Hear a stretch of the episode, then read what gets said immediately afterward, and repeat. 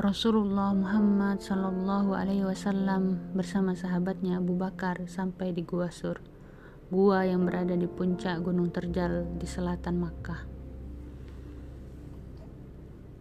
Rasulullah bersembunyi di dalamnya agar tidak terlihat dari mata musuhnya.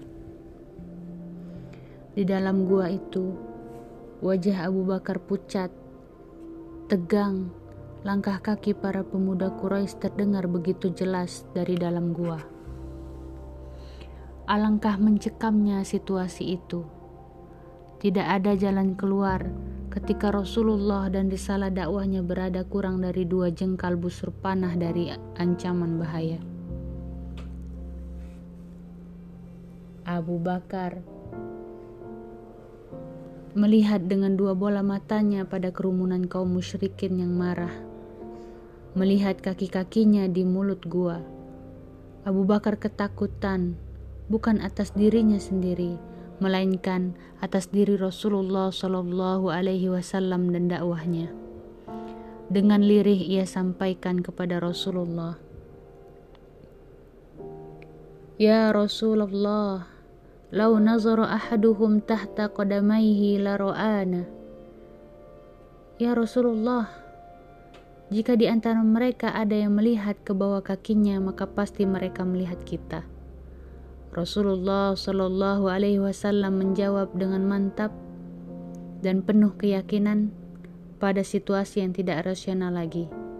Ya Aba Bakrin, ma zannuka bisnaini Allahu thalithuhuma. La tahzan, innallaha ma'ana. Wahai Abu Bakar, apa dugaanmu yang akan terjadi dengan kita berdua jika Allah yang ketiganya? Janganlah takut, sesungguhnya Allah bersama kita. Kalau seandainya seluruh prajurit di muka bumi ini berkumpul di mulut gua untuk menangkap Rasulullah dan sahabatnya, hal itu tidak akan pernah mampu mereka lakukan karena pertolongan Allah bersama dengan mereka berdua. Alangkah indah dan tingginya kalimat ilahiyah itu ketika menyatakan jaminan ini untuk menjadi pelajaran bagi orang-orang bertakwa di sepanjang masa. Jangan bersedih dengan permasalahan hidup di dunia ini. Karena sungguh Allah ada untuk kita.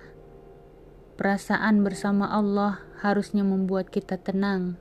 Tidak ada masalah yang besar yang ada hanya Allah yang Maha Besar.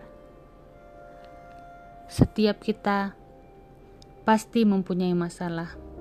Ada yang begitu berat untuk dihadapi, ada pula yang begitu ringan untuk diselesaikan. Semua orang menghadapi masalahnya masing-masing. Ada yang diuji dengan sakitnya, diuji dengan kesempitan hidup, cobaan hidup yang beruntun, kehilangan pekerjaan, rezeki yang macet, dizolimi orang, terlilit hutang, dan sebagainya. Yang membedakan di antara mereka adalah cara menghadapinya. Seberapa cerdas menyikapinya, seberapa siap menghadapinya, dan seberapa bijak menyelesaikannya.